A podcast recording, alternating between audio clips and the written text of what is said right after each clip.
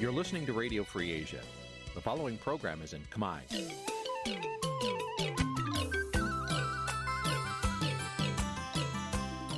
Nǐ chi càm bi tiệp xáy vệt chiu a zì sê ray នេះជាកម្មវិធីផ្សាយរបស់ Vithu Azisari ជាភាសាខ្មែរ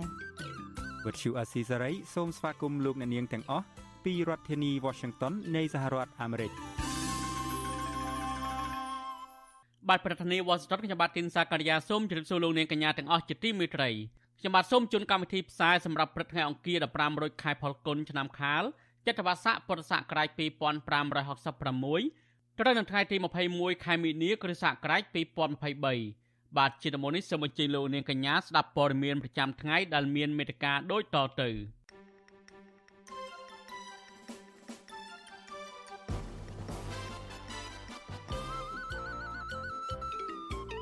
អង្គការការពារសត្វព្រៃប្រឆាំងគម្រោងបញ្ជូនសត្វស្វាក្តាមជាង1000ក្បាលពីអាមេរិកមកកម្ពុជាវិញ។មន្ត្រីអង្គការសង្គមស៊ីវិលស្នើឲ្យបង្ក្រាបសកម្មកម្មកែច្នៃឈើក្នុងដែនជម្រកសត្វព្រៃកែវសីមាសកម្មជនរកឃើញថាក្រុមហ៊ុន Sybiotech នៅតែបន្តលួចចូលទៅកាប់ឈើនៅក្នុងតំបន់ព្រៃឡង់សាច់ញាតិបរិមម្នាក់ដែលស្លាប់ក្នុងពេលតវ៉ារដំណោះស្រាយដីធ្លីនៅខេត្តកោះកុងមានជីវភាពក្រីក្រដោយពុំមានទីពឹង រួមនឹងព័ត៌មានសំខាន់សំខាន់មួយចំនួនទៀត។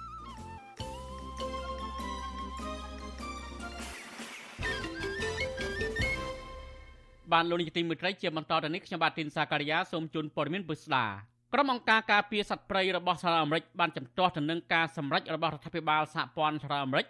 ដែលក្រុងបញ្ជូនសត្វស្វាក្តាមឬសត្វស្វាកន្ទុយវែងជាង1000ក្បាលមកកម្ពុជាវិញខណៈមានការអះអាងថាសត្វទាំងអស់នោះ ត្រូវបានចាប់ចេញពីព្រៃមិនមែនយកមកពីកសិដ្ឋានចិញ្ចឹមឡើយមន្ត្រីកម្ពុជាលើកឡើងថាកម្ពុជាមិនទាន់ទទួលបានដំណឹងថាមានការដឹកជញ្ជូនសត្វស្វាទាំងនេះត្រឡប់មកកម្ពុជាវិញនៅឡើយទេ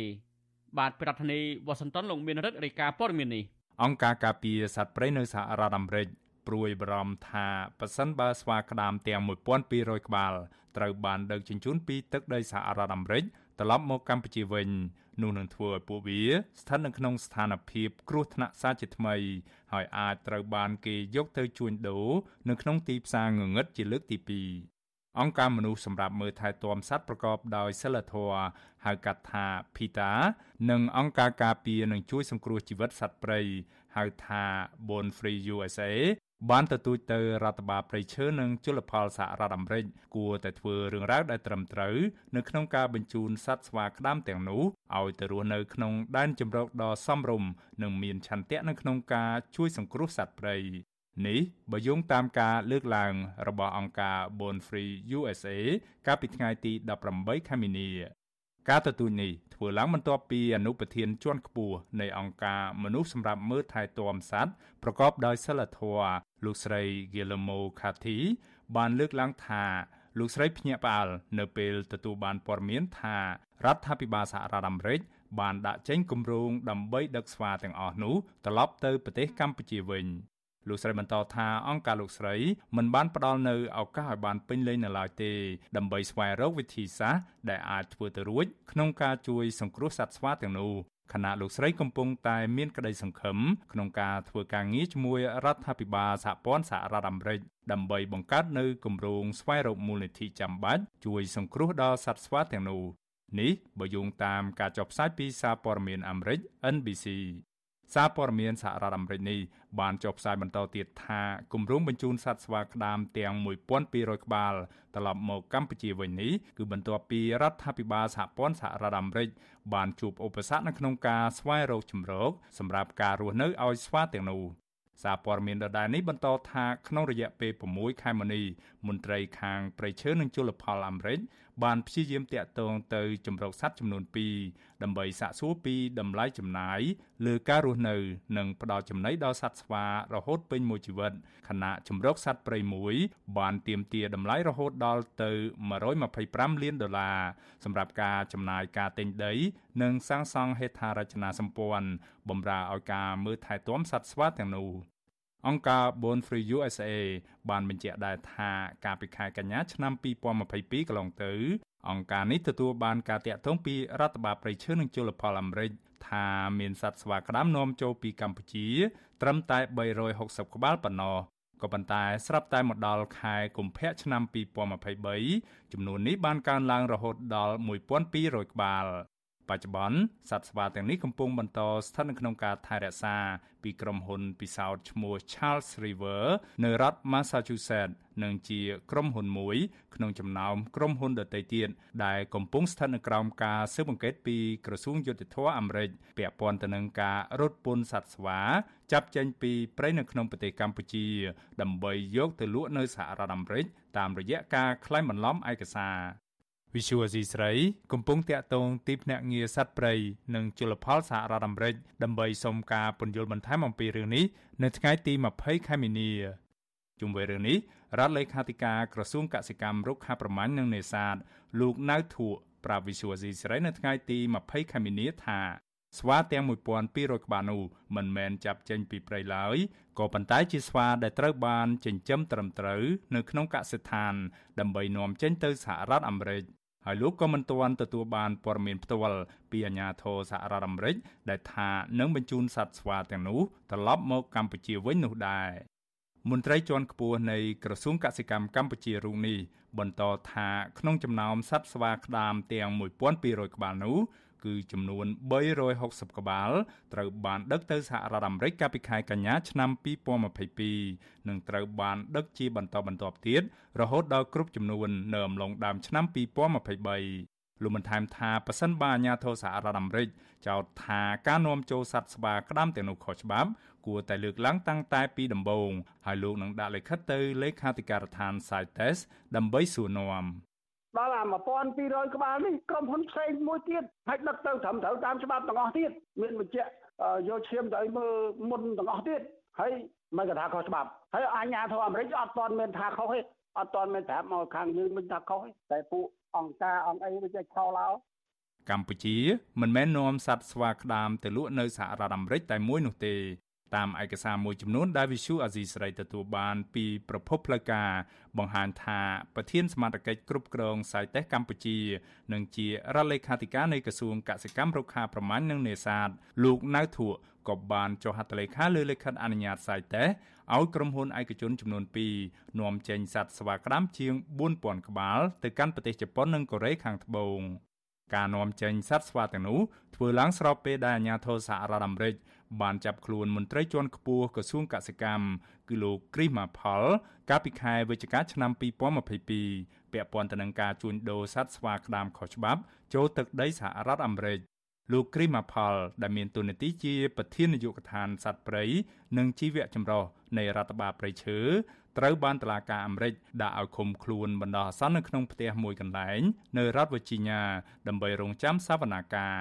ក្រៅពីនេះសហរដ្ឋអាមេរិកក៏បានចោទប្រកាន់មន្ត្រីជាន់ខ្ពស់ក្រសួងកសិកម្មកម្ពុជាមួយរូបទៀតគឺលោកកៅអូម៉ាលីដែលមានតួនាទីជាប្រតិភូរដ្ឋាភិបាលកម្ពុជា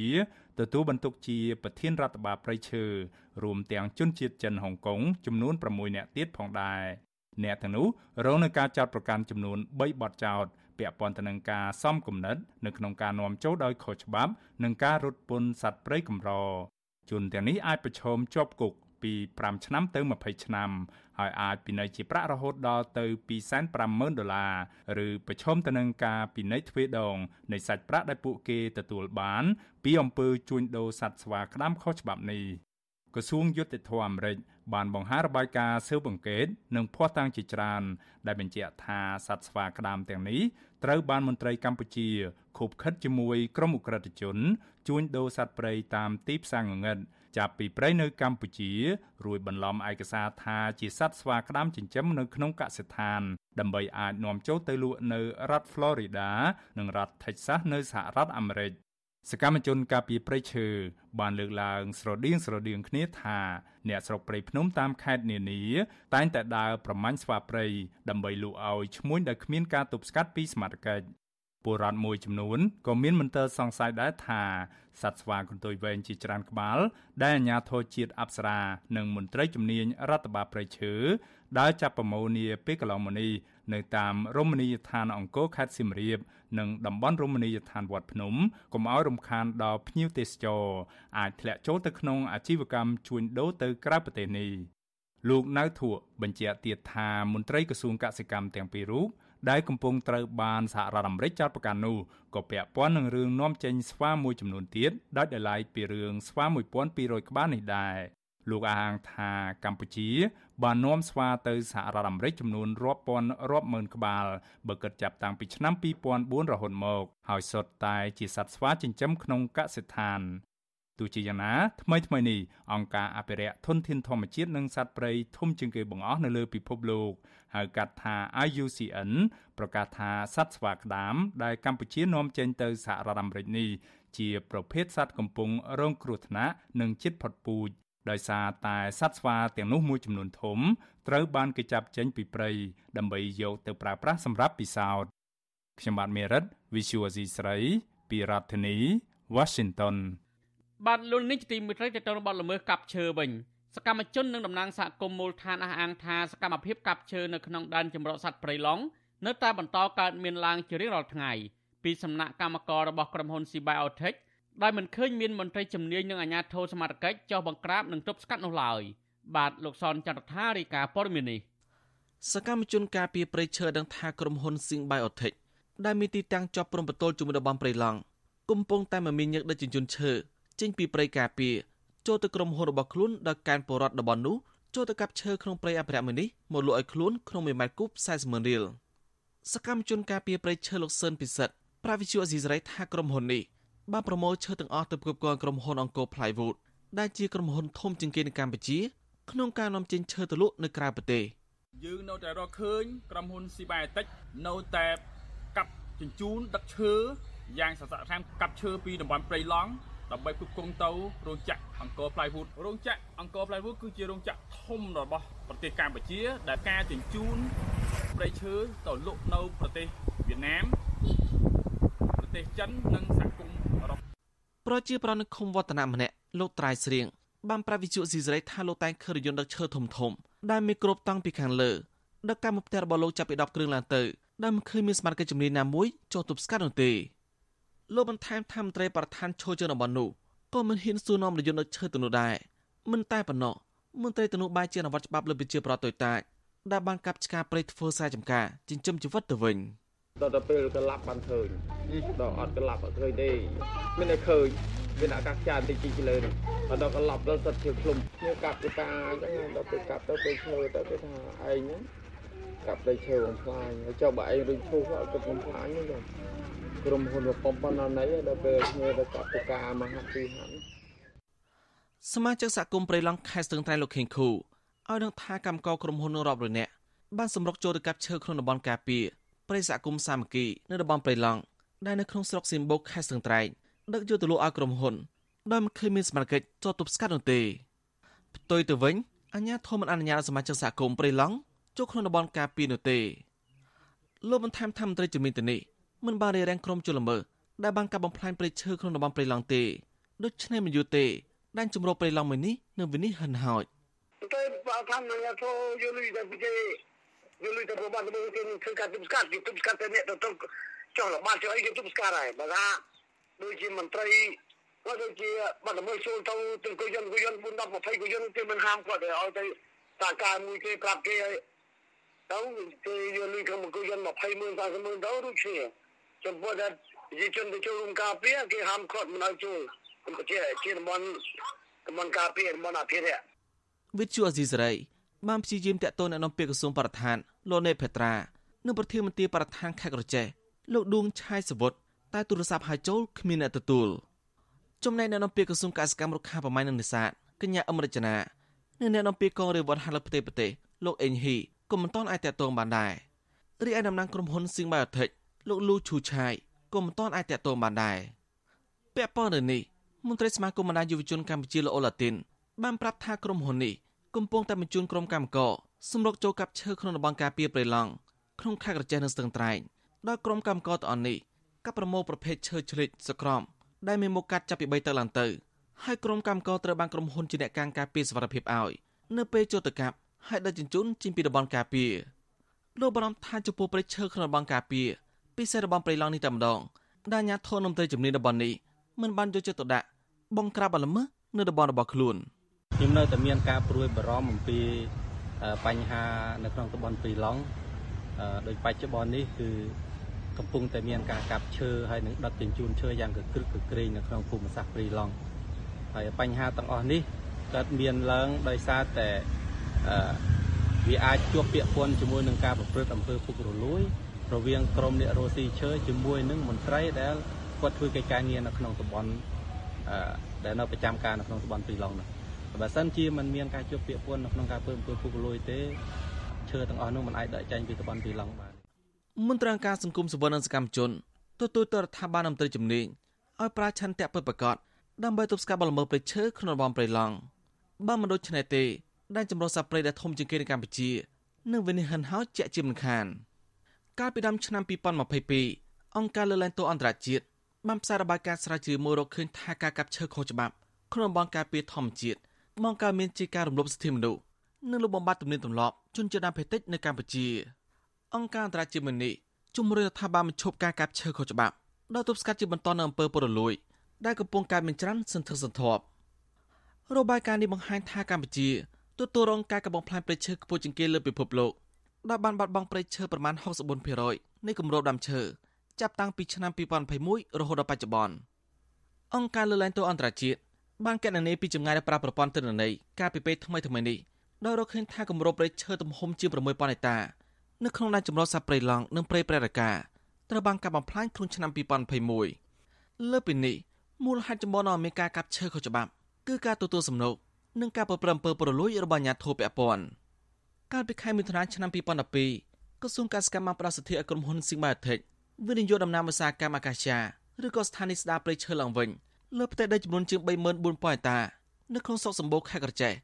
ហើយមួយផ្នែកចូលទឹកដីស្រុកសម្បូរខេត្តស្ទឹងត្រែងទន្ទឹមគ្នានេះក្រុមហ៊ុនស៊ីម៉ាថេបានផ្ទេរសិទ្ធិបោរោងចក្រអាឈើឲ្យក្រុមហ៊ុនអង្គរ Plywood កាលពីចុងឆ្នាំ2018អ្នកការពារព្រៃឈើសង្កេតឃើញថាក្រុមហ៊ុននេះបានប្រើល្បិចកាប់ឈើនៅរបំផ្សេងទៀតក្រៅពីតំបន់របស់ខ្លួនដោយជួលកម្មកររាប់រយនាក់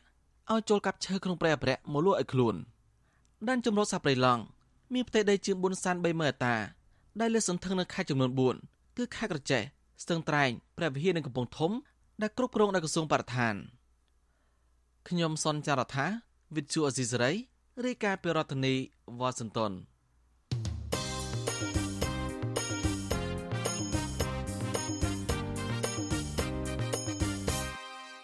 បាទលោកនេះជាទីមេត្រីវិទ្យុអសិរ័យផ្សាយតាមរលកធាតុអាកាសខ្លីឬ Shortwave តាមកម្រិតនិងកម្ពស់ដូចតទៅនេះពេលព្រឹក ចាប់ពីម៉ោង5កន្លះដល់ម៉ោង6កន្លះតាមរយៈរលកធាតុអាកាសខ្លី9390 kHz ស្មើនឹងកម្ពស់ 32m និង11850 kHz ស្មើនឹងកម្ពស់ 25m ពេលយប់ចាប់ពីម៉ោង7កន្លះដល់ម៉ោង8កន្លះតាមរយៈរលកធាតុអាកាសខ្លី9390 kHz ស្មើនឹងកម្ពស់ 32m និង11885 kHz ស្មើនឹងកម្ពស់ 20m បាទសូមអរគុណ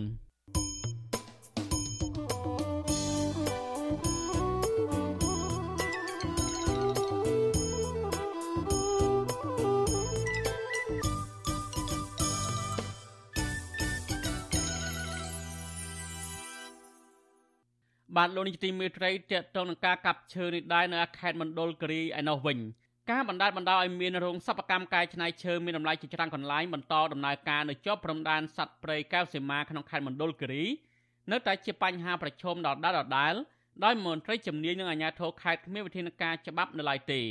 អស់រយៈពេលជាច្រើនឆ្នាំមកនេះមន្ត្រីសង្គមស៊ីវិលនិងប្រជាសហគមន៍ស៊ើបដឹងថាអាជ្ញាធរឃុំមកពីគណៈបកកណ្ដាលអំណាចខ្លះ គឺជាម្ចាស់រោងសិប្បកម្មកែច្នៃគ្រឿងសង្ហារឹមនៅមូលដ្ឋាន បាទប្រធានីវ៉ាស៊ីនតោនលោកនៅវណ្ណរិនរាយការណ៍ព័ត៌មាននេះ មន្ត្រីសង្គមស៊ីវិលនិងប្រជាសហគមន៍រស់នៅក្នុងឃុំមេម៉ង់និងឃុំចុងផ្លាស់ស្រុកកៅសីមាខេត្តមណ្ឌលគិរីបន្តអំពាវនាវឲ្យក្រសួងបរិស្ថាន និងអាជ្ញាធរខេត្តមណ្ឌលគិរីលុបបំបាត់រោងសិប្បកម្មកែច្នៃឈើខុសច្បាប់ជាច្រើនកន្លែងនៅជុំវិញដែនជំរកសត្វព្រៃកៅសីមាដែលក្រុមជនល្មើសកាប់ឈើចេញពីព្រៃអភិរក្សមកផ្គត់ផ្គង់សង្វាក់ផលិតកម្មគ្រឿងសង្ហារឹមទាំងនេះ។ ពួកគាត់បារម្ភថាប្រសិនបើបញ្ហានេះអាជ្ញាធរមិនយកចិត្តទុកដាក់នោះទេវិនិស្សកម្មព្រៃឈើនៅក្នុងតំបន់អភិរក្សនេះនឹងគ្មានទីបញ្ចប់ឡើយហើយជនជាតិដើមភាគតិចភ្នងនៅតែរងគ្រោះម្ដងហើយម្ដងទៀតពីការថយចុះនៃទំហំព្រៃឈើប្រជាសហគមន៍រស់នៅក្នុងឃុំមេម៉ង់ស្រុកកៅសីមាលោកប៉ក់ក្រើល ប្រាប់វិទ្យុអេស៊ីសេរីនៅថ្ងៃទី20មីនានេះថានៅក្នុងឃុំមេម៉ង់មានរោងសិប្បកម្មកែច្នៃឈើយ៉ាងហោចណាស់30កន្លែងដោយក្នុងនោះមាន6ទីតាំងជារបស់អ្នកស្រីស៊ូហៀងហើយយាយម៉ាប់មានតួនាទីជាសមាជិកក្រុមប្រឹក្សាឃុំមេម៉ង់មកពីគណៈបកប្រជាជនកម្ពុជាលោកបន្តថាម្ចាស់រោងសិប្បកម្មទាំងនោះបានទទួលទិញឈើដែលកាប់ចេញពីដែនជម្រកសត្វព្រៃកៅសីមា ភាគច្រើនជាប្រភេទឈើកម្រដែលមានតម្លៃដូចជាឈើសុក្រំ និងកគីជាដើមលោកសង្កេតឃើញថាអាញាធរហាក់មិនសូវចាប់អារម្មណ៍អនុវត្តច្បាប់ករណីនេះទេ នៅតែបណ្តែតបណ្ដោយឲ្យបើកទីតាំងកែច្នៃឈើជាង10ឆ្នាំមកហើយធ្វើឲ្យប្រៃអភិរក្សកាន់តែហិនហោច ឈើនឹងក៏អស់ហើយនឹងសត្វព្រៃនឹងក៏មិនដឹងពីទៅនៅណាឃុំក៏អត់មាននៅទៀតឥឡូវអស់ហើយឃុំហើយវាប៉ះពាល់ច្រើនណាប៉ះពាល់តាំងពីខ្សែផលទៅទៀតដើមពីទឹកពួកខ្ញុំនេះគាត់រកខ្សែផលនឹងឃុំហើយនឹងដីនឹងហើយហើយសហគមន៍ពួកខ្ញុំចេះតែការពារការពារគេលើតែធ្វើអញ្ចឹងទៅមិនជ្រះបើសិតតែអ្នកធំធំដូចជាបាក់ឆានអីគាត់បើគេធ្វើទៅដល់ពេលប្រាប់ទៅគេថាឲ្យរកឈ្មោះមក ជនជាតិដើមភាគតិចភ្នងរូបនេះបន្ថែមថារោងសិប្បកម្មកែច្នៃសង្ហារឹមនៅជាប់នឹងព្រៃអភិរក្សគឺជាប្រភពវិនាសកម្មនៃព្រៃឈើដែលផ្គត់ផ្គង់ទីផ្សារនាំចេញមានប្រភពពីដែនជម្រកសត្វព្រៃកៅសីមាលោកបន្តថាឈើធំធំភាគច្រើន បានថយចុះនៅតំបន់ជ្រោះជ្រលងភ្នំដែលជាកន្លែងសត្វព្រៃអាស្រ័យផល និងជ្រកកោនកំពុងប្រឈមការកាប់បំផ្លាញ រីឯឆ្មាំអភិរក្សរបស់ក្រសួងបរិស្ថាន តែងតែទទួលលុយជាធ្នូមិនអនុវត្តច្បាប់ពីម្ចាស់សិប្បកម្មទាំងនោះបើសិនសហគមន៍ការពារតែតែសហគមន៍ទេមិនបាច់ឲ្យបរិស្ថានមកការពារទេអានឹងដឹងថាបិឈើជោគជ័យបើថានៅបរិស្ថាននៅការពារដែរសហគមន៍ការពារដែរសហគមន៍ទៅមរុយនឹងបរិស្ថាននេះព្រោះកន្លងមកវាច្រើនអ្នកម្នាក់បងបរិស្ថានតោមួយ30000គេឲ្យយើងដឹកមកហើយគេមើលផ្លូវឲ្យយើងថ្ងៃណាគេចេញថ្ងៃណាគេចូលថ្ងៃណាគេដើរអញ្ចឹងគេប្រាប់ វិទ្យុអាស៊ីសេរីមិនអាចតាក់ទងសុំការបំភ្លឺរឿងនេះពីប្រធានមន្ទីរបរិស្ថានលោកកៅសុភ័ក្រនិងអ្នកនាំពាក្យសាលាខេត្តមណ្ឌលគិរីលោកនាងវណ្ណៈបាននៅឡើយនៅថ្ងៃទី20មីនានេះដោយទូរស័ព្ទហៅចូលតែគ្មានអ្នកទទួលរីឯសមាជិកក្រុមប្រឹក្សាមេម៉ង់ដែលរងការចោទថាបើកសិប្បកម្មកែច្នៃគឺលោកស្រីស៊ូហៀងក៏វិទ្យុអាស៊ីសេរីមិនទាន់អាចតាក់ទងបានដែរ ក៏ប៉ុន្តែមេឃុំមេម៉ង់លោកច័ន្ទសាមេនទទួលស្គាល់ថាអ្នកស្រីស៊ូហៀងជាសមាជិកក្រុមប្រឹក្សាឃុំ បានបើកទីតាំងសិប្បកម្មឈើតែអាជីវកម្មនេះតូចតាចទេ គឺធ្វើជាលក្ខណៈគ្រួសារលោកបញ្ជាក់ថាអាញាធរឃុំមិនទាន់ច្បាស់ថានៅក្នុងឃុំមេម៉ង់ទាំងមូលមានសិប្បកម្មកែច្នៃឈើប៉ុន្មានកន្លែងនៅឡើយនោះទេព្រោះភារកិច្ចដោះស្រាយរឿងនេះគឺជាភារកិច្ចរបស់មន្ទីរបរិស្ថាន និងអាជ្ញាធរខេត្ត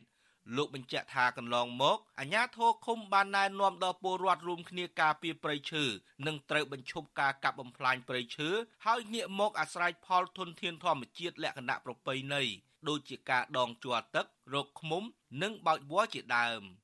អឺលក្ខណៈគ្រួសារដូចជាធ្វើលក្ខណៈគ្រួសារទេមិនមែនលក្ខណៈធំទេនិយាយឆ្នៃនិយាយតុកអីអីចឹងទេ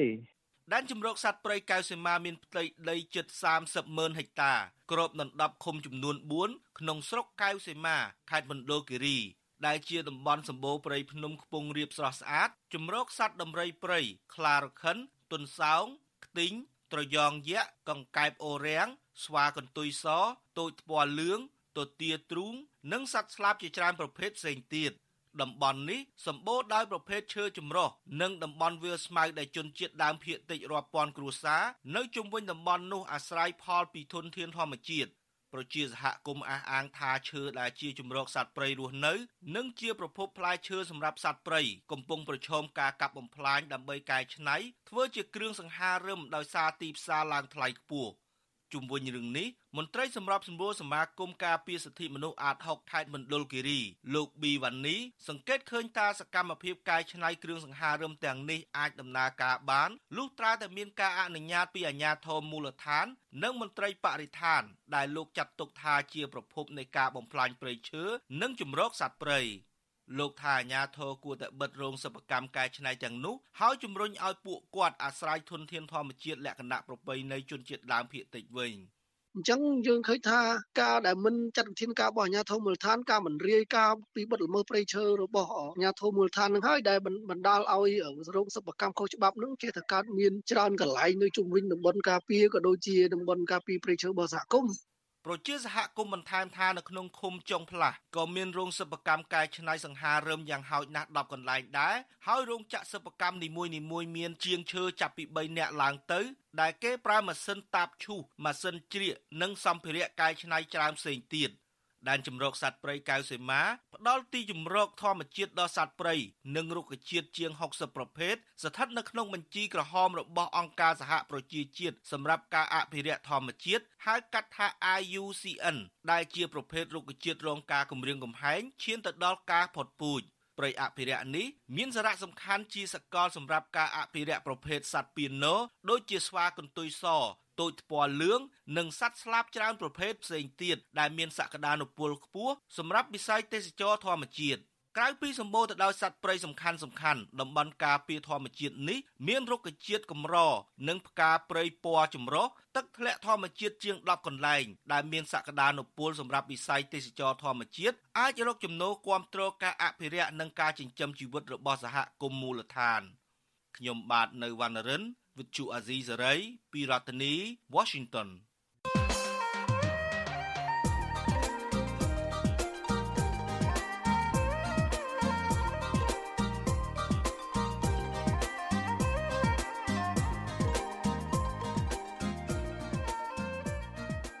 បានលោកនាងជាទីមេត្រីនៅមុនការបោះឆ្នោតអាណត្តិទី7នេះលោកហ៊ុនសែនត្រូវប្រឈមមុខនឹងជំរើសសំខាន់សំខាន់ចំនួន2 នោះត្រូវដោះលែងលោកកម្មសខានិងឲ្យគណៈបកសង្គ្រោះជាតិដំណើរការឡើងវិញដើម្បីចូលរួមការបោះឆ្នោត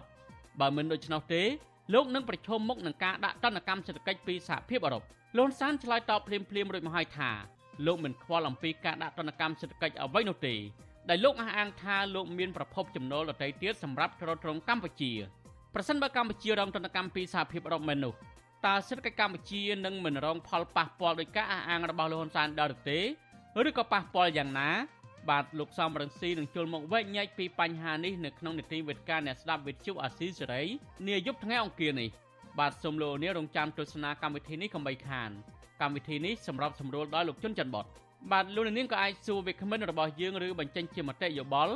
ដោយលោកនាងដាក់លេខទូរស័ព្ទនៅក្នុងខ្ទង់ comment Facebook និង YouTube របស់វិទ្យុអាស៊ីសេរីក្រុមការងាររបស់យើងនឹងហៅទៅលោកនាងវិញបាទសូមអរគុណ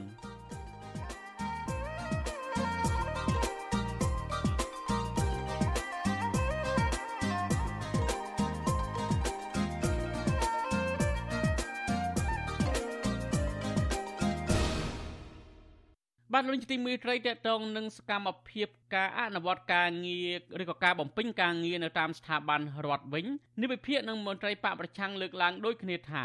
រដ្ឋមន្ត្រីភាគច្រើននៅក្នុងជួររដ្ឋាភិបាលអាណត្តិទី6នេះមិនសកម្មក្នុងការបំពេញការងារនោះឡើយដោយសារពួកគេតែងតែរងចាំការបង្គាប់បញ្ជាពីលោកហ៊ុនសែនតែម្នាក់គត់តើមន្ត្រីណាខ្លះដែលអសកម្មការងារជាពិសេសរងចាំតែបញ្ជាពីលោកហ៊ុនសែននោះបាទសូមលោកនាងរងចាំស្ដាប់សេចក្តីរាយការណ៍នេះពិស្ដានាពេលបន្តិចទៀតនេះ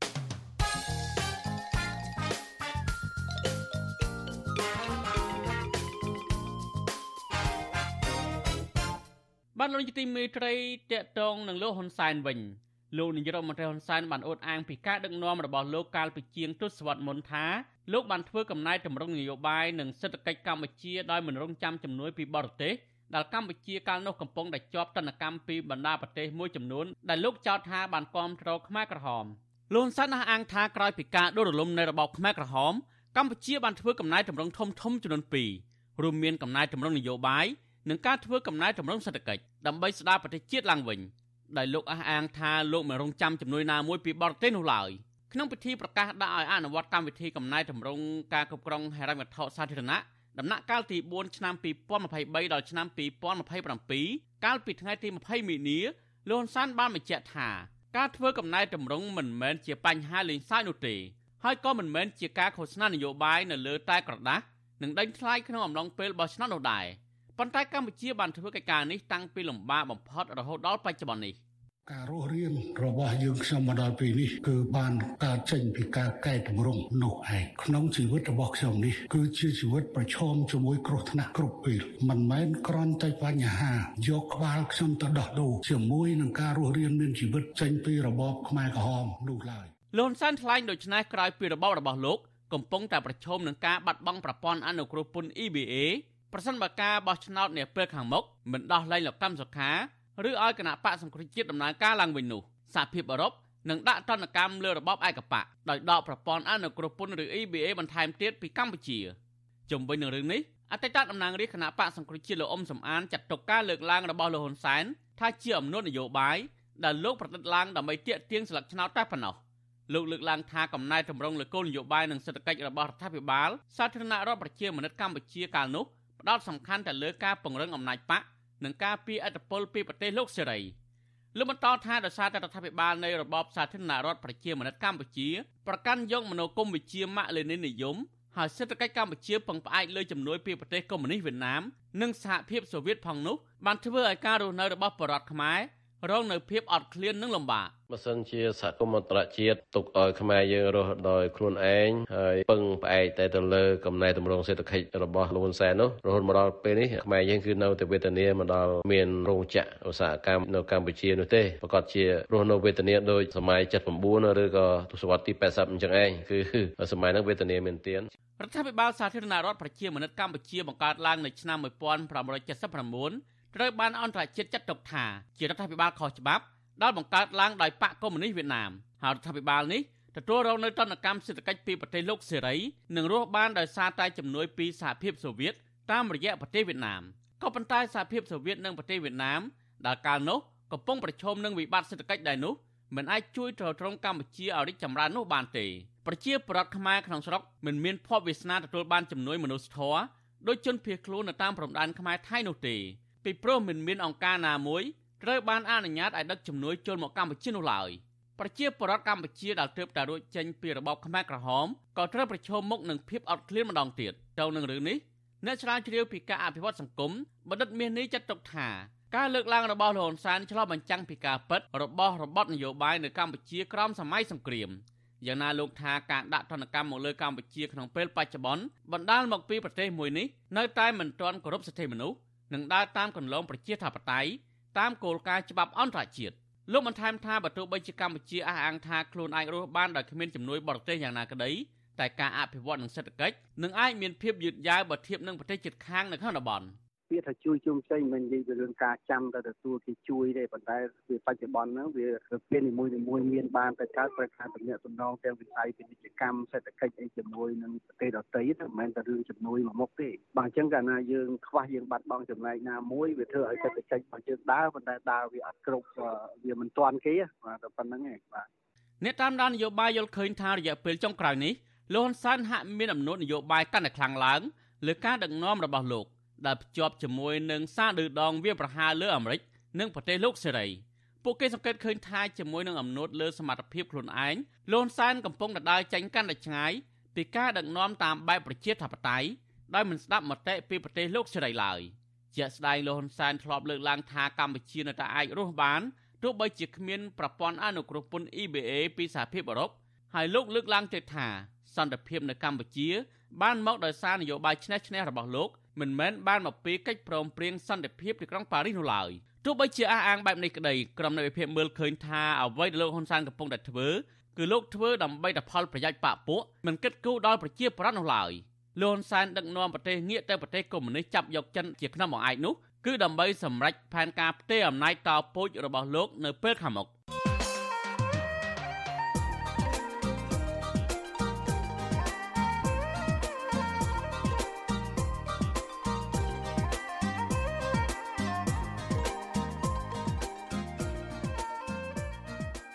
បាទលោកនាងជាទីមេត្រីនៅមុនការបោះឆ្នោតអាណត្តិទី7នេះលោកហ៊ុនសែនត្រូវប្រឈមមុខនឹងជំរើសសំខាន់សំខាន់ចំនួន2នោះត្រូវដោះលែងលោកកម្មសខានិងឲ្យគណៈបកសង្គ្រោះជាតិដំណើរការឡើងវិញដើម្បីចូលរួមការបោះឆ្នោតបើមិនដូច្នោះទេ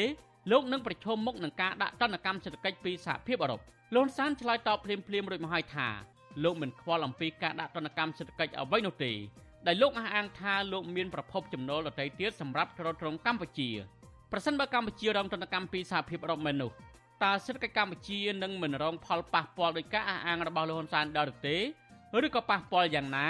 បាទលោកសំរងស៊ីនឹងជុលមកវែកញែកពីបញ្ហានេះនៅក្នុងនីតិវិទ្យាអ្នកស្ដាប់វិទ្យុអាស៊ីសេរីនាយប់ថ្ងៃអង្គារនេះ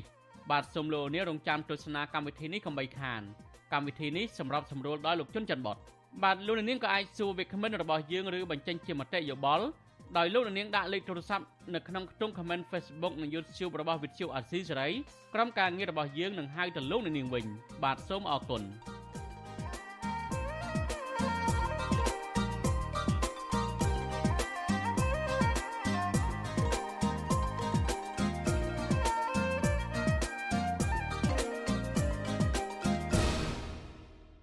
បាទលោកនាងជាទីមេត្រីនៅខេត្តកោះកុងឯនោះវិញ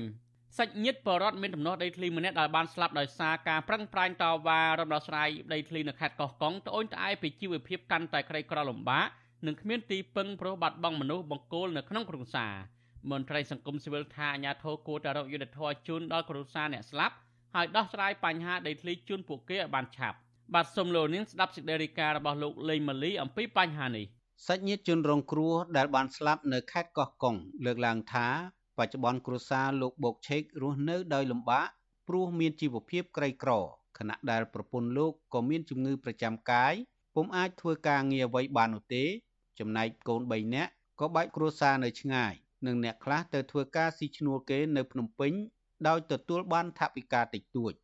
ធ្វើត្បិតតែជនរងគ្រោះគឺលោកបូកឆេកជាជនពិការជើងម្ខាង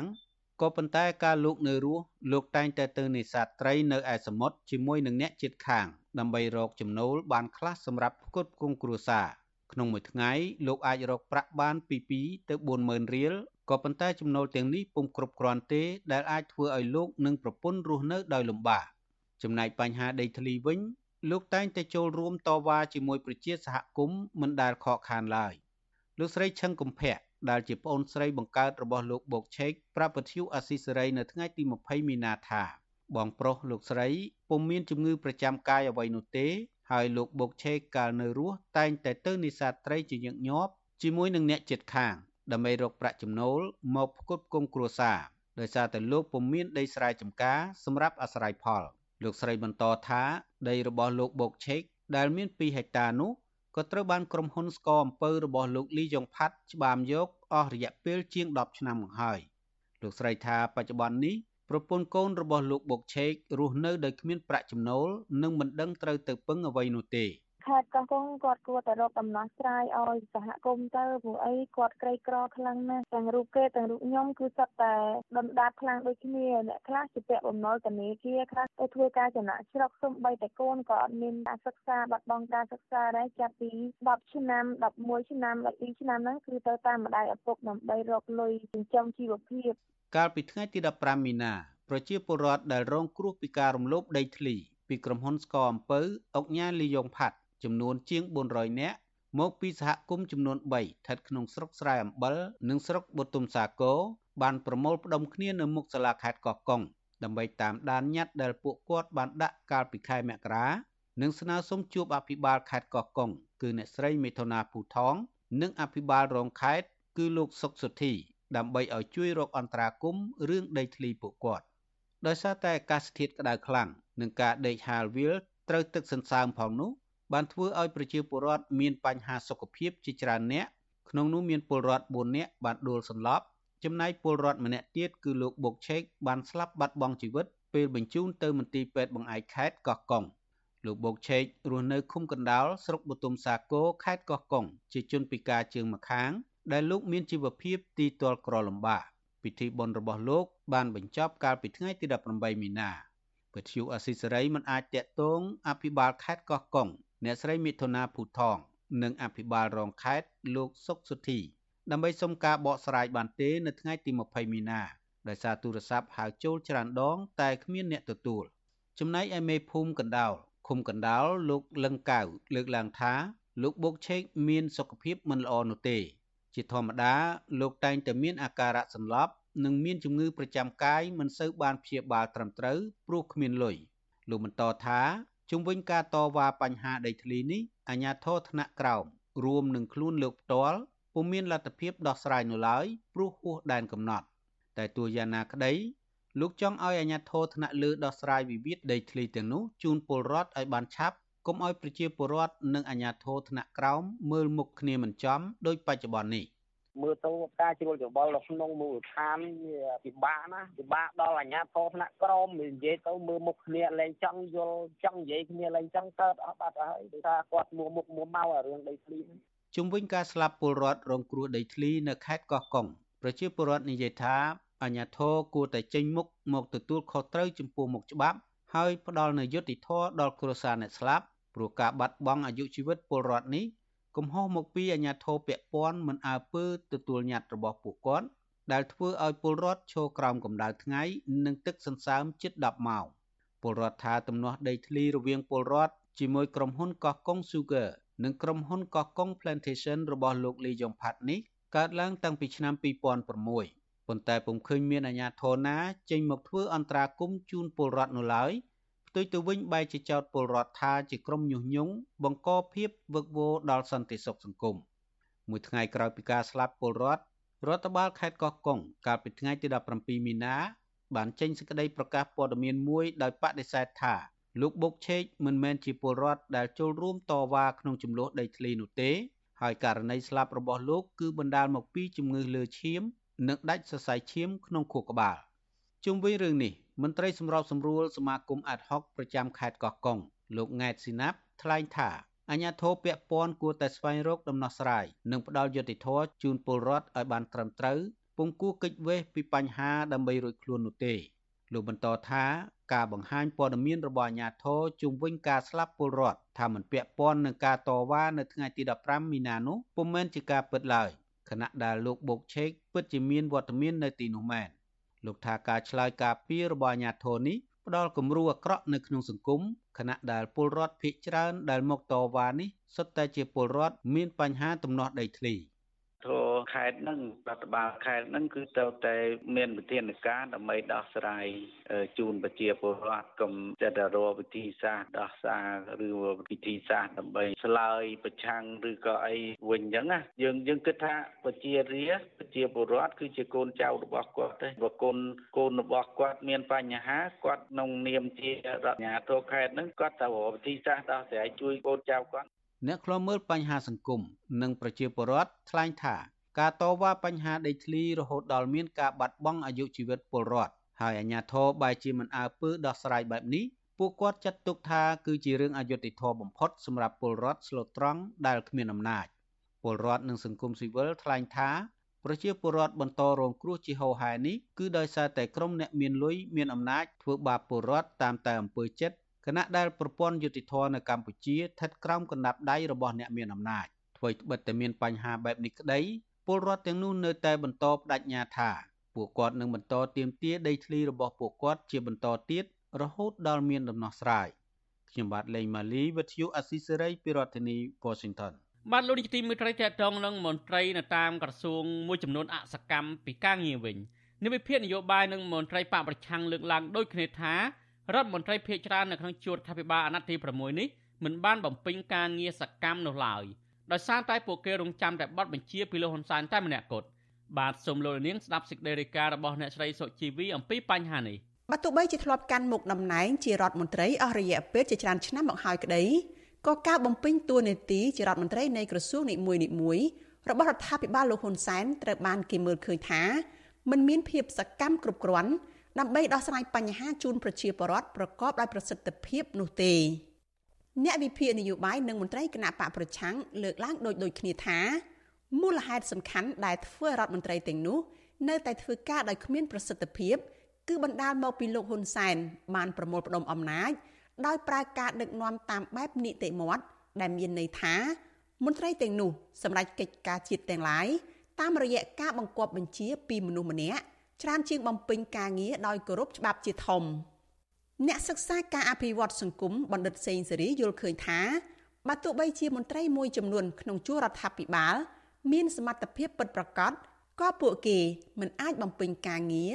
ប្រកបដោយប្រសិទ្ធភាពនោះបានឡើយអសកម្មឬការបំពេញការងារមិនមានប្រសិទ្ធភាពរបស់មន្ត្រីទាំងនោះក៏ដោយសារតែពួកគេមិនបំពេញតាមតួនាទីសំខាន់សំខាន់របស់ខ្លួន ដែលច្បាប់បានប្រគល់ឲ្យតែរងចាំធ្វើតាមបុគ្គលម្នាក់ ពលគឺពួកគេមិនហ៊ានអាកាត់ដោយខ្លាចលហ៊ុនសែនឬបណ្ដោយតាមសភាពការដើម្បីសំងំយកសុកនិងប្រយោជន៍ផ្ទាល់ខ្លួននិងគ្រួសារដោយមិនខ្វល់ពីផលប្រយោជន៍របស់ជាតិទាំងមូលបណ្ឌិតសេងសេរីបន្តថាលោកហ៊ុនសែនមិនគួរត្អូញត្អែពីភាពអសកម្មរបស់រដ្ឋមន្ត្រីឡើយព្រោះរូបលោកខ្លួនឯងបានបង្កើតប្រព័ន្ធធ្វើការតាមបែបបរោះខ្លាំងនិងការប្រមូលផ្ដុំអំណាចដែលតម្រូវឲ្យការងារតូចធំទាំងឡាយ ចាំបាច់ត្រូវសុំយោបល់ពីលោកជាមួយគ្នានេះលោកសេងសារីថាតាមរយៈការដឹកនាំតាមបែបនេះមិនត្រឹមតែធ្វើឲ្យរដ្ឋមន្ត្រីមិនអាចធ្វើការដោយឯករាជ្យប៉ុន្តែក៏បានបង្កើតឲ្យមានអំពើពុករលួយជាប្រព័ន្ធដើម្បីការពារគ្នាទៅវិញទៅមកផងដែរយើងដកអំពើពុករលួយចេញយើងដកអយុត្តិធម៌សង្គមចេញយើងដកសមភាពសង្គមចេញវាមានបញ្ហាមួយទៀតដែលពលរដ្ឋប្រឈមហ្នឹងគឺការផ្ដល់សេវាដល់ពលរដ្ឋយឺតយ៉ាវ ការដោះស្រាយបញ្ហាជូនពលរដ្ឋហ្នឹងយឺតយ៉ាវគ្មានប្រសិទ្ធភាពដោយសារมันមានអ្នកណាហ៊ានសម្រេចចិត្តអីទាំងអស់ចឹងហើយពលរដ្ឋហ្នឹងអង្គុយចាំហើយមេហ្នឹងមិនដឹងថ្ងៃណាឆ្លើយទៅទៀតជួនកាលសួរមេហ្នឹងក៏ជាលេសមួយនៅក្នុងការដោះស្រាយបញ្ហាភ្លាមភ្លាមដែរមិនទទួលខុសត្រូវឬក៏ខ្ជិលចឹងចាំសួរមេចឹងអាចសំពេលវេលាឬក៏កែស្ថានភាពបានចំពោះមុខដែរស្រដៀងគ្នានេះអតីតតំណាងរាជគណៈបកសង្គ្រោះជាតិលោកអ៊ុំសំអានយល់ឃើញថា រដ្ឋមន្ត្រីភៀកច្រើនមិនហ៊ានសម្រេចចិត្តការងារដោយខ្លួនឯងនោះទេព្រោះពួកគេខ្លាចប៉ះពាល់ទៅដល់ផលប្រយោជន៍បកពួកឬសាច់ញាតិរបស់ត្រកូលហ៊ុនលោកអះអាងបន្ថែមថាដោយសារលោកហ៊ុនសែនបានបង្កើតប្រព័ន្ធអញជួយឯងឯងជួយអញដោយយកអំណាចការពារគ្នាទៅវិញទៅមកដើម្បីរកស៊ីខុសច្បាប់ដូច្នេះបើទោះបីជារដ្ឋមន្ត្រីមួយចំនួនចង់ធ្វើការឲ្យមានតម្លាភាពក៏ពួកគេមិនហ៊ានធ្វើដែរព្រោះពួកគេខ្លាចបាត់បង់មុខតំណែង ជាមួយគ្នានេះលោកអ៊ុំសំអានបន្តថាការធ្វើការក្រោមការបង្គាប់បញ្ជារបស់លោកហ៊ុនសែនដូចនេះមិនត្រឹមតែធ្វើឲ្យប្រជាពលរដ្ឋមិនអាចទទួលបានសេវាកម្មល្អពីក្រសួងនានាប៉ុណ្ណោះទេ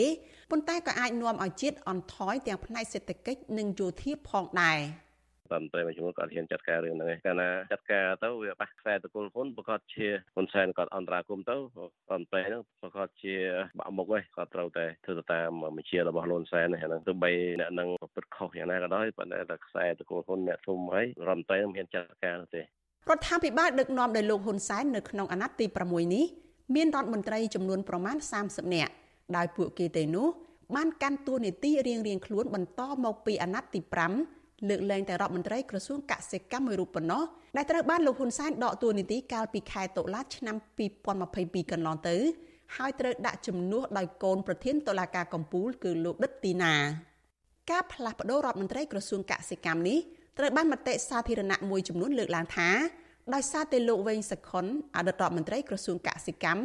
បានជំទាស់ទៅនឹងការចង់បានរបស់លោកហ៊ុនសែនដែលបញ្ជារដ្ឋមន្ត្រីរូបនេះ សហការជាមួយនឹងមន្ត្រីផ្សេងផ្សេងដើម្បីឲ្យមានការនាំចូលជ្រូកពីក្រៅប្រទេសលោកហ៊ុនសែនអះអាងថាការមិនអនុញ្ញាតឲ្យនាំជ្រូកចូលពីក្រៅប្រទេសគឺជាការផ្គប់ផ្គុនអ្នកចិញ្ចឹមជ្រូកនៅក្នុងស្រុកតែប៉ុន្មានម៉ឺនអ្នកប៉ុណ្ណោះក៏ប៉ុន្តែធ្វើឲ្យប្រជាពលរដ្ឋ17លាននាក់ខាតបង់ព្រោះត្រូវទិញសាច់ជ្រូកនៅក្នុងតម្លៃថ្លៃផ្ទុយពីការលើកឡើងរបស់លោកហ៊ុនសែននេះការអនុញ្ញាតឲ្យមាននាំជ្រូកចូលពីប្រទេសជិតខាង មិនត្រឹមតែធ្វើឲ្យប៉ះពាល់ទៅដល់ជីវភាពរបស់អ្នកចិញ្ចឹមជ្រូកនៅក្នុងស្រុកប៉ុណ្ណោះទេតែតម្លៃសាច់ជ្រូកនៅលើទីផ្សារក៏កាន់តែឡើងថ្លៃផងដែរប្រៀបធៀបតម្លៃសាច់ជ្រូកកាលពីដើមខែតុលាឆ្នាំ2022សាច់ជ្រូក1គីឡូក្រាមតម្លៃត្រឹមតែ25,000រៀលប៉ុណ្ណោះដោយឡែកនៅក្នុងខែមីនាឆ្នាំ2023សាច់ជ្រូកបានហក់ឡើងថ្លៃរហូតដល់30,000រៀលនៅក្នុង1គីឡូនេះនៅមិនទាន់គិតពីគុណភាពសាច់ជ្រូកនាំចូល ដែលអាចមានសារធាតុគីមី និងខូចគុណភាពផងតកតងនឹងការបំពេញការងាររបស់រដ្ឋមន្ត្រីលោកយមត្រីហ៊ុនសែនកាលពីពេលថ្មីថ្មីនេះបានស្ដីបន្ទោសរដ្ឋមន្ត្រីមួយចំនួនចំចំឈ្មោះតែម្ដងនៅក្នុងពិធីចែកសញ្ញាបត្រដល់និស្សិតជាង4000នាក់កាលពីថ្ងៃទី16ខែមីនាលោកហ៊ុនសែនបានលើកឡើងថារដ្ឋមន្ត្រីមួយចំនួនមិនបានពិនិត្យឯកសារឲ្យបានល្អិតល្អន់នោះទេមុនពេលឲ្យលោកធ្វើសេចក្តីសម្រេចចិត្តហើយភាពខ្ជិលរបស់រដ្ឋមន្ត្រីទាំងនោះ គឺជាបន្ទុកធ្វើឲ្យលោកពិបាកធ្វើការរដ្ឋមន្ត្រីដែលលោកហ៊ុនសែនបានលើកឡើងទាំងនោះរួមមានដូចជារ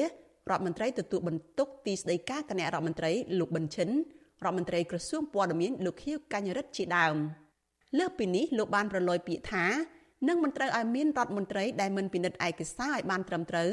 មុនដាក់ឲ្យលោកសម្រេចចិត្តទៀតឡើយនៅប៉ុន្មានខែខាងមុខនេះអញ្ចឹងវាខ្ជិលតាំងពីអ្នកក្រោមរហូតដល់អ្នកលើហើយមកធ្វើបាបនាយករដ្ឋមន្ត្រីម្នាក់ ខ្ញុំថាធ្វើបាបបងដោយសាររដ្ឋមន្ត្រីខ្ជិលពីថ្ងៃទៅទៅកុំឲ្យទៅសល់តែប្រហែលកែទេកុំឲ្យរដ្ឋមន្ត្រីខ្ជិលអើយពិបាកធុញយកទៅវិញទេស្ដីឲ្យខ្ញុំស្ដីឲ្យស្ដីចូលចំហបងព្រោះចេះកន្លងទៅជានៅស្ងៀមប៉ុន្តែមើលទៅប្រហែលជាអាចចំណាអសក្រមប៊ិចក្រហមរបស់ខ្ញុំមិនបានត្រឡប់ទៅរដ្ឋមន្ត្រីនៅវិញទេរដ្ឋមន្ត្រីក្រសួងព័ត៌មានលោកខៀវកញ្ញរិទ្ធដែលកាន់មុខងារជារដ្ឋមន្ត្រីនៃក្រសួងនេះ តាំងពីទសវត្សរ៍ឆ្នាំ80មកនោះត្រូវបានគេមើលឃើញថាជាសេនាធិការយ៉ាងជិតស្និទ្ធរបស់លោកហ៊ុនសែនក្នុងការចូលរួមលុបបំបាត់សារព័ត៌មានឯករាជ្យនិងរដ្ឋបិទសិទ្ធិសេរីភាពសារព័ត៌មានកាលពីពាក់កណ្ដាលខែកុម្ភៈកន្លងមកលោកខៀវកញ្ញរិទ្ធបានធ្វើតាមការបង្គាប់បញ្ជារបស់លោកហ៊ុនសែនយ៉ាងតក់ក្រហល់និងរំលោភច្បាប់ក្នុងការដកអាជ្ញាប័ណ្ណសារព័ត៌មាន VOD មិនឲ្យដំណើរការជុំវិញរឿងនេះអ្នកវិភាគនយោបាយចាស់វសា បណ្ឌិតឡាវម៉ុងហៃយល់ឃើញថា ការលើកឡើងរបស់លោកហ៊ុនសែនគឺប្រៀបដូចជាការស្ដោះទឹកមាត់ដាក់លើទ្រូងខ្លួនឯងដូច្នោះដែរព្រោះលោកនាយករដ្ឋមន្ត្រីខ្លួនឯងគឺជាអ្នកជ្រើសតាំងរដ្ឋមន្ត្រីនិងស្នើសុំរដ្ឋសភាឲ្យផ្ដល់សេចក្តីទុកចិត្តដោយឡែកអ្នកសិក្សាផ្នែកច្បាប់លោកវ៉ាន់ចាន់ឡូតយល់ឃើញថា បញ្ហាអសកម្មរបស់រដ្ឋមន្ត្រីនៅនៅតែបន្តកើតឡើងប្រសិនបើលោកយមត្រីហ៊ុនសែននៅតែត្រូវការមន្ត្រីអែបអបលោក ជាជាងមន្ត្រីដែលធ្វើការដោយឯករាជ្យ ហ៊ានអាកាត់ការងារខ្លួនឯងលោកវ៉ាន់ចាន់ឡូតយល់ថាបញ្ហាអសកម្មរបស់មន្ត្រីនឹងធ្វើឲ្យមានបញ្ហាពីរនៅក្នុងសង្គមទី1គឺមានភាពយឺតយ៉ាវនៅក្នុងការបម្រើសេវាសាធារណៈទៅដល់ប្រជាពលរដ្ឋនិងទី2គឺធ្វើឲ្យការលើកកម្ពស់នីតិរដ្ឋមិនអាចទៅរួចដោយសារអំណាចទាំងស្រុងស្ថិតនៅលើការសម្រេចចិត្តរបស់មនុស្សតែម្នាក់វាសង់តែคล้ายទៅជាទម្លាប់ហើយហើយទម្លាប់ហ្នឹងវាពិបាកកែមែនតែនដែលវាបានដកជាប់នៅក្នុង ខួរក្បាលនៅក្នុងការគិតនៃមន្ត្រីទាំងអស់ហ្នឹងដើម្បីយកចិត្តយកថ្លើមឬបញ្ជាក់ថាខ្លួនមានភក្តីភាពចំពោះថ្នាក់ដឹកនាំអញ្ចឹងទៅគឺថាធ្វើអីមួយវាតែងតែមានលក្ខណៈអើតលើមអែបអបឬក៏យកចិត្តយកគួរអញ្ចឹងណាដើម្បីធ្វើឲ្យមេមកឃើញថាខ្លួនឯងនឹងផឹងប្រែងធ្វើការទៅមើលខ្លួនឯងនឹងយកចិត្តទុកដាក់ទៅនឹងការងារ បើទោះបីជាមិនមានសង្ឃឹមថារដ្ឋមន្ត្រីអាចនឹងបំពេញការងារប្រកបដោយប្រសិទ្ធភាពក្តីអតីតអ្នកតំណាងរាជគណៈបកសង្គ្រោះជាតិលោកអ៊ុំសំអានលើកឡើងថា ចំណុចសំខាន់ដើម្បីរដ្ឋមន្ត្រីសកម្មនឹងការងាររបស់ខ្លួនរដ្ឋាភិបាលត្រូវធ្វើឲ្យប្រព័ន្ធតុលាការឯករាជ្យលោកថានៅពេលប្រព័ន្ធតុលាការធ្វើការដោយឯករាជ្យនោះប្រព័ន្ធអញជួយឯងឯងជួយអញក៏នឹងមិនអាចនៅពីលើច្បាប់ទៀតដែរធ្វើ តឡាការឯករាជ្យសម្បត្តិអំពើពុករលួយបពុនិយមគុំគឺសន្និយមនៅក្នុងសង្គមកម្ពុជានឹងมันអាចមន្ត្រីទាំងអស់ហ្នឹងអនុវត្តតាមច្បាប់បានទៅម៉េចឲ្យប្រទេសកម្ពុជាមាននីតិរដ្ឋគុំនីតិមត្តណានីតិមត្តអញ្ចឹងគឺមន្ត្រីទាំងអស់ហ្នឹងมันអាចអនុវត្តតាមច្បាប់បានទេពីមួយអាណត្តិទៅមួយអាណត្តិរហូតដល់អាណត្តិទី6ដែលជិតនឹងផុតទៅហើយនេះគេឃើញរបៀបដឹកនាំរបស់លោកហ៊ុនសែននិងរដ្ឋមន្ត្រីរបស់លោកគ្មានការផ្លាស់ប្ដូរអ្វីឡើយពលគឺរដ្ឋមន្ត្រីម្នាក់ម្នាក់ហាក់រងចាំតែបញ្ជា ឬការណែនាំរបស់លោកហ៊ុនសែនហើយលោកហ៊ុនសែនក៏មើលទៅត្រូវការបែបនោះដែរព្រោះលោកលោកដៃស្ទើរគ្រប់រឿងសម្បីតែពេលបិទវគ្គបញ្ចប់ការសិក្សាទទួលសញ្ញាបត្ររបស់និស្សិតនៅតាមសាលាម្ដងម្ដង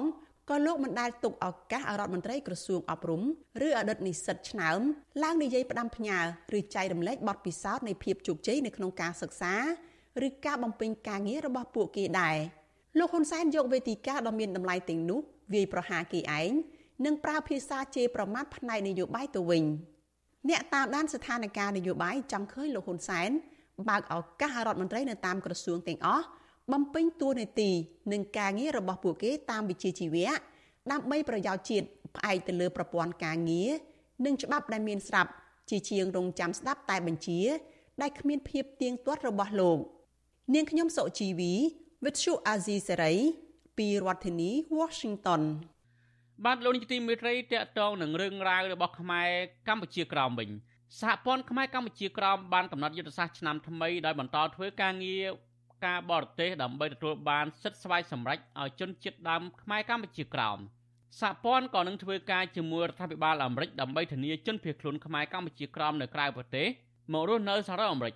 ពាក់ព័ន្ធនឹងយុទ្ធសាស្ត្រឆ្នាំថ្មីនៃសហព័ន្ធខ្មែរកម្ពុជាក្រោមនេះ ជនភៀសខ្លួនខ្មែរក្រោមនិងប្រសង់ខ្មែរក្រោមដែលសកម្មក្នុងការងារទាមទារសិទ្ធិជនជាតិដើមបានស្វាគមន៍យុទ្ធសាស្ត្រឆ្នាំថ្មីរបស់សហព័ន្ធខ្មែរកម្ពុជាក្រោមបាទសូមលោកនាងស្ដាប់សេចក្តីរាយការណ៍របស់លោកយុនសាមៀនអំពីបញ្ហានេះសហព័ន្ធខ្មែរកម្ពុជាក្រោមនឹងបន្តធ្វើការងារនឹងអង្គការសហប្រជាជាតិនិងប្រទេសជាដៃគូសេដ្ឋកិច្ចនិងប្រទេសវៀតណាមមានដូចជាសហរដ្ឋអាមេរិកអូស្ត្រាលីនិងជប៉ុន ដើម្បីជំរុញឲ្យប្រទេសកុម្មុយនីសវៀតណាមគោរពសិទ្ធិជនជាតិដើមខ្មែរកម្ពុជាក្រោមសហព័ន្ធក៏នឹងដឹកនាំប្រតិភូទៅប្រទេសមួយចំនួនដែលទទួលបានឯករាជ្យនិងសិទ្ធិស្វ័យសម្រេចដើម្បីសិក្សានិងរៀនសូត្រធ្វើតាមជ័យជំនះរបស់ពួកគេនាយកប្រតិបត្តិសហព័ន្ធខ្មែរកម្ពុជាក្រោមលោកប្រាក់សេរីវុឌ្ឍមានប្រសាសន៍ថាក្រោយកិច្ចប្រជុំកាលពីថ្ងៃទី11និង12មីនាកន្លងទៅអង្គប្រជុំបានសម្រេចរិះរោចមធ្យោបាយ តស៊ូមតិដោយអហិង្សានៅលើឆាកអន្តរជាតិដើម្បីឲ្យកម្ពុជាក្រោមមានសិទ្ធិស្វ័យសម្រេចនៅថ្ងៃអនាគត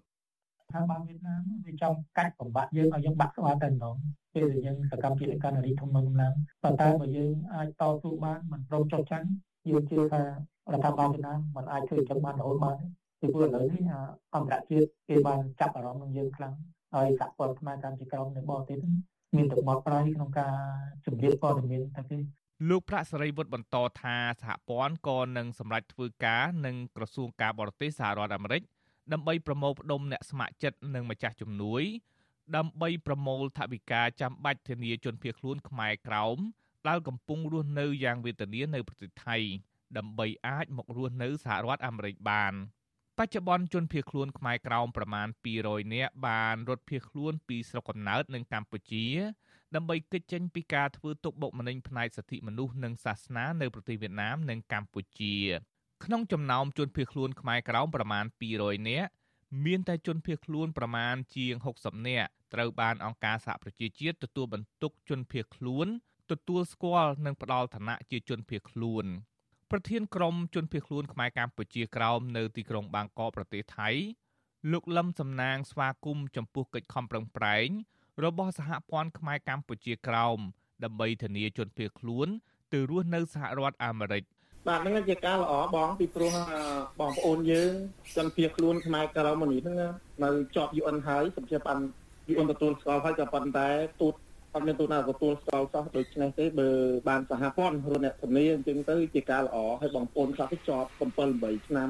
ដូចជារូបខ្ញុំបាទជាដើមបានប្រធានជាប់តាំងពីឆ្នាំ2017ឥ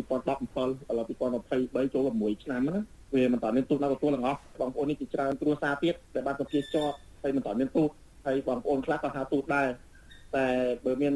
សហព័ន្ធជួយអ្នករស់អ្នកធានានេះជាការល្អហើយបងប្អូនយើងនៅនេះហ្នឹងគឺពិបាក នឹងការយើងអត់មានសិទ្ធិអ្វីធ្វើការងារទាំងអស់ណាពីព្រោះយើងកាន់កាប់ UNHCR មិនអាចធ្វើការងារអ្វីបានទេក៏មានការកង្វះខ្លះខាត់ជាច្រើនពាក់ព័ន្ធទៅនឹងយុទ្ធនាការរបស់សហព័ន្ធខ្មែរកម្ពុជាក្រោមដើម្បីទាមទារសិទ្ធិស្វ័យសម្រេចឲ្យខ្មែរក្រោមដែលកំពុងរស់នៅស្រុកកំណើតនេះដែរព្រះសង្ឃដែលសកម្មធ្វើការងារផ្នែកសិទ្ធិមនុស្សព្រះភិក្ខុយឿងខាយក៏ស្វាគមន៍ការសម្រេចចិត្តរបស់សហព័ន្ធដែរព្រះភិក្ខុយឿងខាយបច្ចុប្បន្នកំពុងរងការធ្វើទុកបុកម្នេញ ពីសំណាក់ព្រះសង្ឃនិងអាជ្ញាធរវៀតណាមដែលកំពុងបង្ខំឲ្យព្រះសង្ឃនៅកម្ពុជាក្រោមគុំទទួលស្គាល់ព្រះភិក្ខុយឿងខាយជាព្រះសង្ឃនិងគង់នៅក្នុងវត្តនៅខេត្តឡុងហោនិងខេត្តព្រះត្រពាំងព្រះភិក្ខុយឿងខាយមានថ្នាក់ដឹកការថាខ្មែរក្រោមអាចទទួលបានសិទ្ធិសេរីភាពផ្នែកសិទ្ធិមនុស្សនិងផ្នែកសាសនាប្រសិនបើកម្ពុជាក្រោមមានសិទ្ធិស្វ័យសម្រេច តាមអាត្មាសង្កេតកន្លងមកយុទ្ធនាការរបស់សហព័ន្ធគឺដើរត្រូវតាមមាគ៌ាច្បាប់អន្តរជាតិក៏ដូចច្បាប់របស់អង្គការសហប្រជាជាតិបងអាត្មាយកឃើញថាសហព័ន្ធដើរត្រូវទៅទៅអាត្មានៅក្នុងប្រទេសក៏ដូចជាសកម្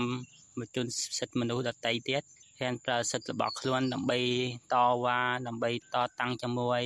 យួនអញ្ចឹងបងព្រោះយន់ហងៃគេបើចេះតែច្បាប់ព្រៃដូច្នេះហើយយុទ្ធនាការសហព័ន្ធគឺដើរត្រូវ ហើយយួនសប្ថ្ងៃនឹងខ្លាចខ្លាចយុទ្ធនាការក៏ដូចជាកលការសហព័ន្ធកន្លងទៅកិច្ចខំប្រឹងប្រែងរបស់សហព័ន្ធខ្មែរកម្ពុជាក្រោមមិនអត់ប្រយោជន៍នោះទេក្រសួងការបរទេសសហរដ្ឋអាមេរិកតែងតែស្វែងរកព័ត៌មានពីប្រតិភូសហព័ន្ធខ្មែរកម្ពុជាក្រោមជុំវិញបញ្ហាសិទ្ធិមនុស្សនិងសាសនានៅកម្ពុជាក្រោមចំណែកឯមន្ត្រីអង្គការសហប្រជាជាតិទទួលបន្ទុកសិទ្ធិមនុស្សនិងជនជាតិដើម ក៏ធ្លាប់អន្តរាគមន៍ទៅរដ្ឋាភិបាលវៀតណាមករណីចាប់ខ្លួននិងការធ្វើទុកបុកម្នេញខ្មែរក្រោមតាមសំណើរបស់សហព័ន្ធខ្មែរកម្ពុជាក្រោមដែរខ្ញុំយុនសាមៀនវិទ្យុអាស៊ីសេរីប្រធានាធិបតី Washington បាទលោកនាងជាទីមេត្រីការផ្សាយរយៈពេល1ម៉ោងនៃវិទ្យុអាស៊ីសេរីជាភាសាខ្មែរនៅពេលនេះចប់តែប៉ុណ្ណេះយើងខ្ញុំសូមជូនពរដល់លោកនាងព្រមទាំងក្រុមគ្រួសារទាំងអស់ឲ្យជួបប្រកបតែនឹងសេចក្តីសុខចម្រើនរុងរឿងកុំបីឃ្លៀងឃ្លាតឡើយ ខ្ញុំបាទទីនសាករិយាព្រមទាំងក្រុមការងារទាំងអស់នៃវិទ្យុអាស៊ីសេរីសូមអរគុណនិងសូមជម្រាបលា